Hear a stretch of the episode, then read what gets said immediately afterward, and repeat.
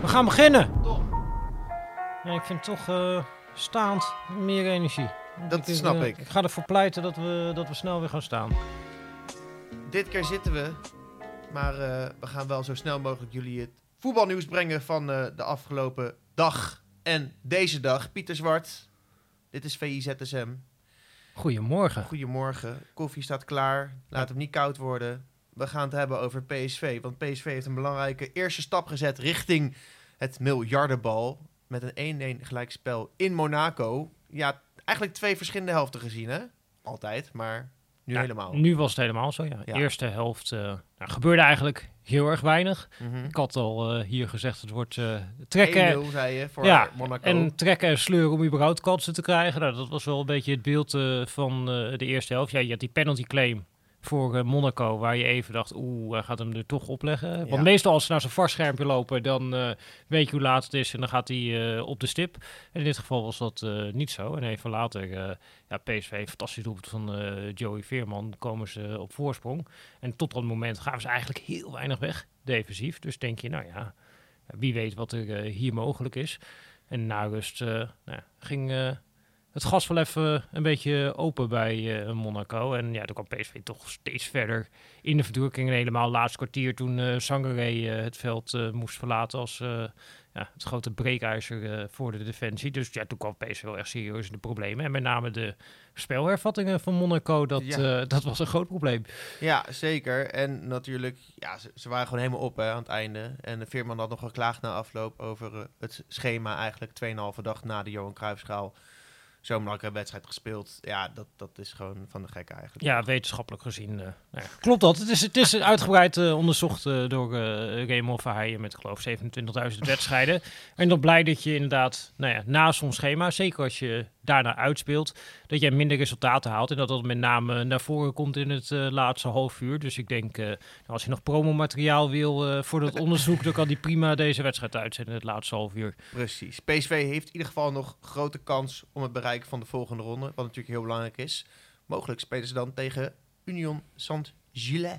Gillois, moet ik zeggen. Want die hebben een goed resultaat geboekt tegen Rangers. Rangers eh, van, eh van Bronckhorst, ja. ja. 2-0 overwinning. Ja, toch niet misschien helemaal wat je verwacht met eh, de Europa League eh, finalist tegen de Belgische kampioen. Maar we hebben ze ook in de voorbereiding bijvoorbeeld tegen Feyenoord gezien. Ja, dit is wel een ploeg. Ja, er zit wel energie achter en er zit wel een plan achter. En dat is gewoon een hele vervelende ploeg om tegen te spelen. En dat wist heel België al en nu weet eh, heel Schotland het ook. Zeker, zeker. En misschien eh, binnenkort heel Nederland. Hey, een grote onbekende nog een beetje voor het grote publiek bij eh, PSV is Ismail Saibari. Dat was wel verrassend dat hij startte. Zeker, wederom een verrassing. Stef de Bond die heeft op Pro een, ja, een soort van Ja, profiel. een profiel gemaakt inderdaad. Meets over eh, hem. analyse van ja, wie is deze jongen eigenlijk? Want hij komt ook eigenlijk uit het grote niet. Je moet ook heel eerlijk bekennen dat eh, eigenlijk tot deze zomer kende ik hem ook niet echt. Nou, dan ga je op een gegeven moment eh, jong PSV kijken om te zien van nou, Ruud van Nistelrooy, wat voor trainer is dat eigenlijk? Wat wil hij met zijn ploeg? Nou, en dan eh, zie je daar ook automatisch spelers tussen lopen waarvan je denkt, hé, dat is wel een interessante voetballer. Nou, daar was hij er één van. Speelde daar ook wel geregeld op het middenveld. Kan ook aan beide zijkanten een beetje hangend spelen. Maar speelt dan eigenlijk liever links dan rechts. En nu eh, ja, kwam die eh, rechts eh, in de ploeg. En dat bleek hij eh, ook te kunnen. Ik moest wel lachen, want je denkt, ja, zo'n jonge jongen, die komt erin. Je speelt daar te- tegen Monaco. Er zullen wel iets van zenuw op die benen staan. Maar letterlijk het eerste wat hij doet, is een Zidane, die dan ook nog totaal mislukt. En dan gewoon op eigen helft zo'n actie. En dan denk je, nou ja, als je dan zo je eerste bal verspeelt, ja, misschien wil je dan daar niet meer de bal. Maar die bleef gewoon de bal vragen. En die bleef acties maken en dingen doen. Ik zag dat hij eh, in een stuk van Stef, dat hij vaker de bal geraakt had dan eh Cody Gakpo. Nou, dat, terwijl hij een kwartier voor tijd eh, gewisseld is. Dus dat, dat zegt ook wel iets over dat, nou die ploeg, die durft hem ook te zoeken. En hij had natuurlijk ook wel eh, ja, zijn rolletje in aanloop naar die openingstreffer voor PSV. Door eerst goed druk te zetten daar. En daarna de bal aan de rechterzijlijn in de ploeg te houden. Dus dat was wel ja, een wedstrijd in de basis die eh, wat mij betreft eh, naar meer smaakt. En dat is ja, wel leuk uit deze fase van seizoen dat je dit soort verrassingen hebt. En dat is ook iets wat je wel vaak ziet als je een trainer doorschuift uit de eigen jeugd. Die durft dan toch wat sneller ook dit soort spelers eh, een kans te geven. Omdat hij weet wat hij aan ze kan hebben. En daar, dat is op dit moment wel lekker voor PSV, denk ik. Zeker. Nou, als je nou meer wil weten over Ismail Saibari, Spanjaard met een Vlaams accent. Het staat op pro. Dan nog goed nieuws voor Ajax. Iataren is weer terug op het trainingsveld na een weekje of twee afwezigheid door verschillende redenen. Ja, bedreigingen, da- daar kwam het eigenlijk eh, om neer. Nu weer terug, dus dat, nou, dat is eh, prettig, denk ik, eh, vooral voor hem. En ja, nou ja, dan eh, heeft wel een belangrijk deel nu van de voorbereiding eh, gemist. Dus Mhm. eh, ja, voorlopig zullen we hem denk ik nog niet weer terugzien echt op het veld bij Ajax. Dus nou ja, laten we hopen dat dit hoofdstuk enigszins afgesloten is, zodat we het voorlopig niet meer over hem hebben, totdat hij daadwerkelijk weer een keer zijn voeten laat spreken. Precies. Wie we voorlopig ook niet zien bij Ajax is Kelvin Bessie. Ook een nieuweling. Heeft natuurlijk nog geen beste indruk gemaakt. Kostte wel een hoop geld. Kreeg rood in de Johan Cruijffschaal. Ik moest wel even aan de VI-vloek denken toen dat zaterdagavond eh, gebeurde. Ja? Ja, want eh Freek Jansen, onze Ajax-watcher en eh, ook hoofdredacteur, die eh, had een interview met eh, Bessie gehad. Vlak voordat hij eh, het vliegtuig instapte richting eh, Curaçao. Dus dat nog helemaal eh, uitgewerkt. En dat eh, stond helemaal klaar als eh, interview voor eh, de nieuwe VI. Dus dan hopen we toch altijd bij, nou als je zo'n interview hebt met zo'n jongen, dat er niet iets gebeurt waardoor het hele verhaal eh, in een ander daglicht eh, komt te staan. Nou ja, die kwam erin, eh, doet de wilde tackle en ja, Meteen. Meteen weer douchen. En die ja, zien we voorlopig niet terug. Drie wedstrijden geschorst, waarvan één voorwaardelijk. Dus die zijn twee wedstrijden is hij er niet bij. Dus ja, Kelvin Bessie gaan we voorlopig even niet meer zien. Maar dat nou, verhaal komt vandaag op VPRO. En dat geeft wel een ja, inzicht in waar de jongen vandaan komt en wat voor speler het eigenlijk is. En eh, nou ja, na dit debuut kan het alleen maar beter gaan. Laten we het op die manier insteken. ja, laten we het hopen voor hem en voor Ajax. Eh, dan nog even. De Eredivisie gaat natuurlijk bijna beginnen. Eh, hier ligt de seizoensgids. Zeker. Wij doen ook altijd aan prognostiek, zoals ze in België zeggen. Het voorspellen van de Eredivisie. Dat doen we natuurlijk met prominenten. Hans Kraai heeft hem dit jaar gewonnen, weet ik. Die heeft vorig jaar als beste voorspeld. Ja, dit keer hebben wij aan de clubwatchers van, eh, van VI zelf gevraagd... waar gaat jullie club eindigen? Verrassend vond ik. Freek Jansen, clubwatcher van Ajax en hoofdredacteur... heeft gezegd Ajax gaat tweede eindigen. Klopt. Ja, hij, Nou. eh, nou, zijn theorie is, eh, dit jaar is het jaar... nou, Ajax kan niet altijd kampioen worden. En als er dan een keer geen kampioen wordt, dan misschien wel dit jaar. En daar, nou, kijk, je kunt natuurlijk wel naar de salarissen kijken en naar de financiële verschillen. Er staat trouwens ook in deze eh, VI, heeft uh, Tom Knipping dat weer op een rijtje gezet. Mhm. Nou, als je daar, daar kijkt, dan kun je altijd blind kun je Ajax op één invullen. Omdat ja, met dat budget moet je het heel bon maken, wil je geen eh, kampioen eh, worden. Maar ja, voetbal is ook leuk, omdat niet altijd de rijkste wint. En soms ja, kun je dat wel eh, op een andere manier eh, doen. En ja, misschien zou dit seizoen, ja, als een keer kan gebeuren, dan kan het misschien dit seizoen wel gebeuren met nou ja, een trainer die weg is bij Ajax. Natuurlijk, ja, eh, de hele technische top was al verdwenen bij Ajax. Ja, ze zijn een nieuwe selectie gaan samenstellen. Er zijn echt wel veel sleutelspelers vertrokken.